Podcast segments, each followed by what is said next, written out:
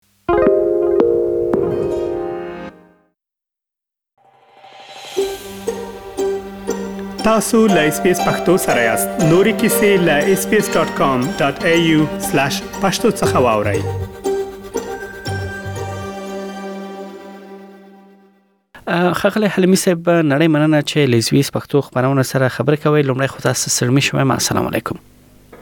وعلیکم السلام جناب علي خیر صاحب یو جهان مننه خوشاله یم چې تاسو سره الله دې ژوندی لره مننه تاسو سره هم خغله حلیمی صاحب که څوک تاسو په اړه باندې معلومات نه لري که ځان په اړه باندې لکه معلومات راکړي چې څوک یې او د استرالیا کوم ایالت کې ژوند کوي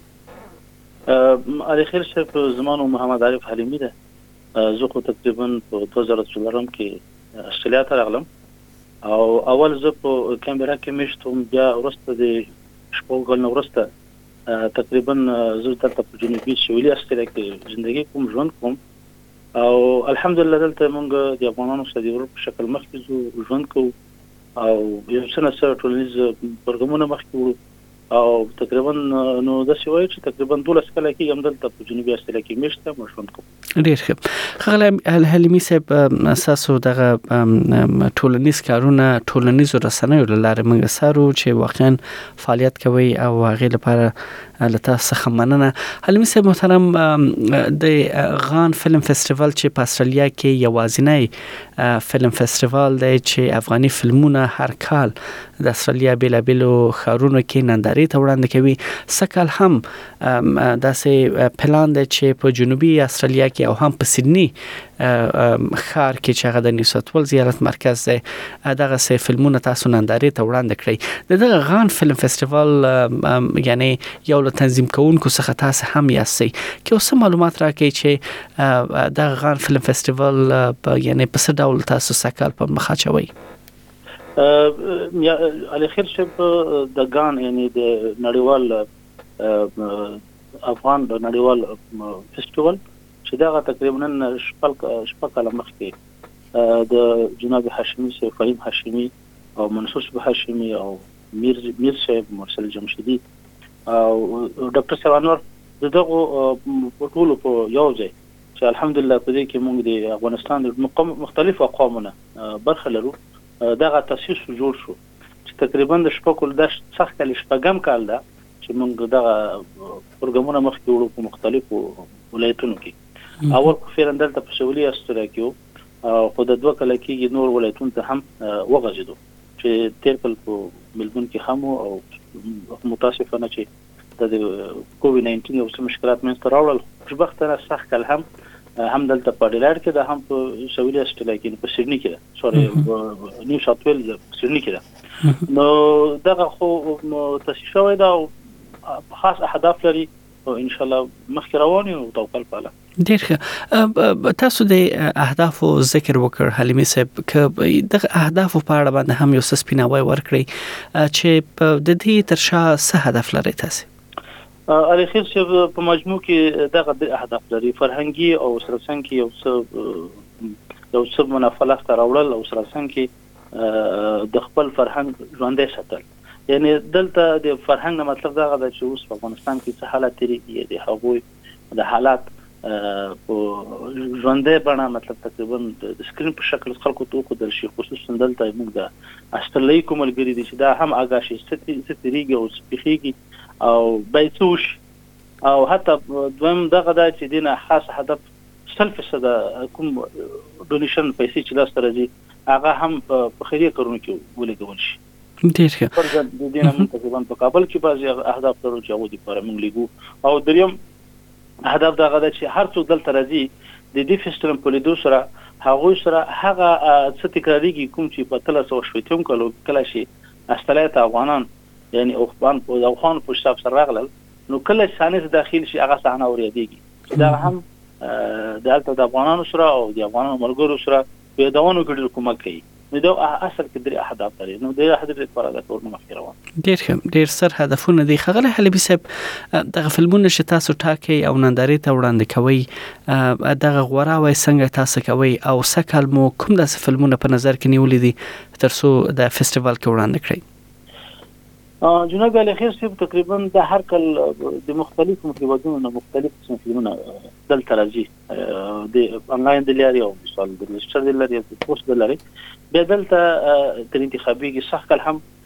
خوشبختانه ټول تقریبا ټول ټال د جرمني فرانسې استرالیا او د افغانستان تقریبا او د شیرونه راغلي دي چې د دې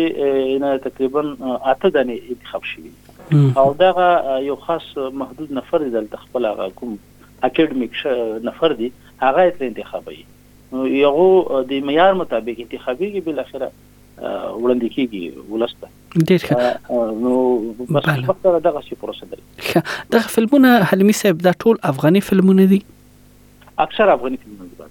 ښه او که چیرې افغاني فلمونه نه وي آیا که نور فلمونه هم وي نو آیا د غوي قصه پر افغانستان باندې وي او یا هر رقم فلم تاسو وړاندې کوي نو کله کله د شپخېږي چې دلته د مینوالو په خاطر یو نیم غیر افغانستان هم یو فلم وړاندې کیږي چې هغه هم د مینوال لپاره د خوښۍ سبب ګرځي نو کوشش کوو دغه فلم هم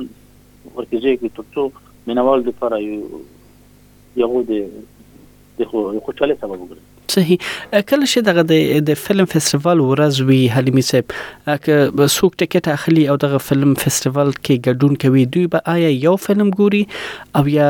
په یو ورځ سو فلمونه تاسو وړاندې کوي او د دوی دغه موده څومره وي یعنی د دوی د ډیوریشن دغه فلمونو څومره وي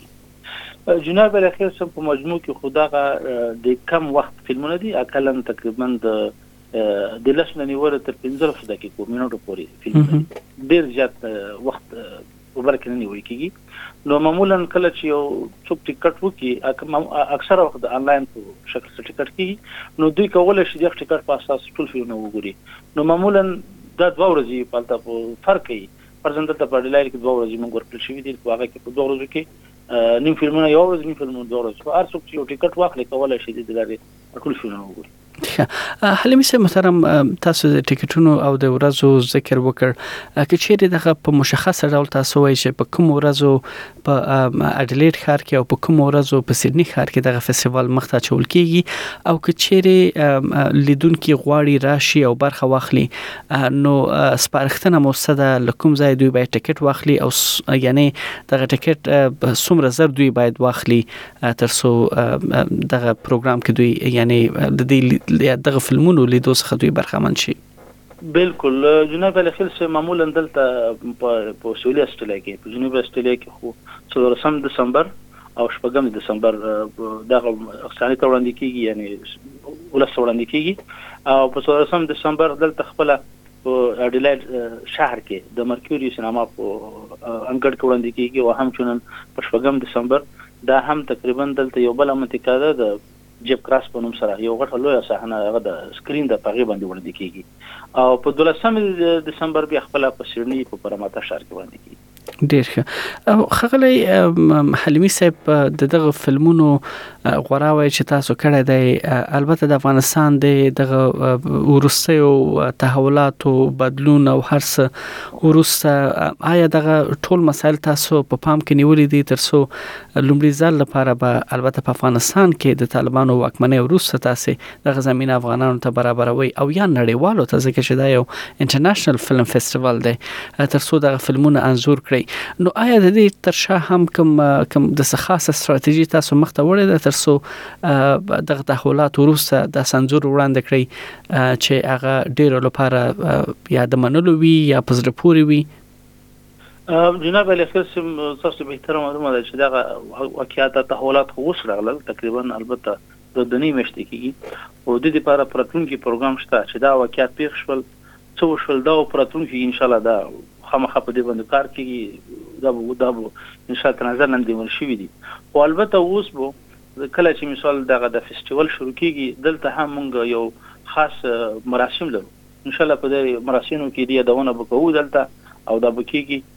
نو دغه خو واقعي داسې حالات پېښ شول دی خامخا دا ټول پروګرام شته چې پراتونکو کې د په نظر کې ونیسو ډیر ښه حلیمي صاحب زما روسي پښتنه بل تاسو نه دا وی لوبړای خدا چې دا یو سر کار دی چې تاسو پر مخه چولای دی ځکه چې دا سس په استرالیا کې دا نوښت لا چا تر اوسه نه دی کړی دا تاسو پر مخه چوي اول خو دا یو سر کار دی د غي مبارکي تاسو وایم د غي در څنګه زما پښتنه بداوي چې که څوک وغواړي چې په دغه فیسټیوالو کې که هغه چیرې ساوت استرالیا اډلیډ ښار کې وي یا نیو ساوت ویلز سیدنی ښار کې وي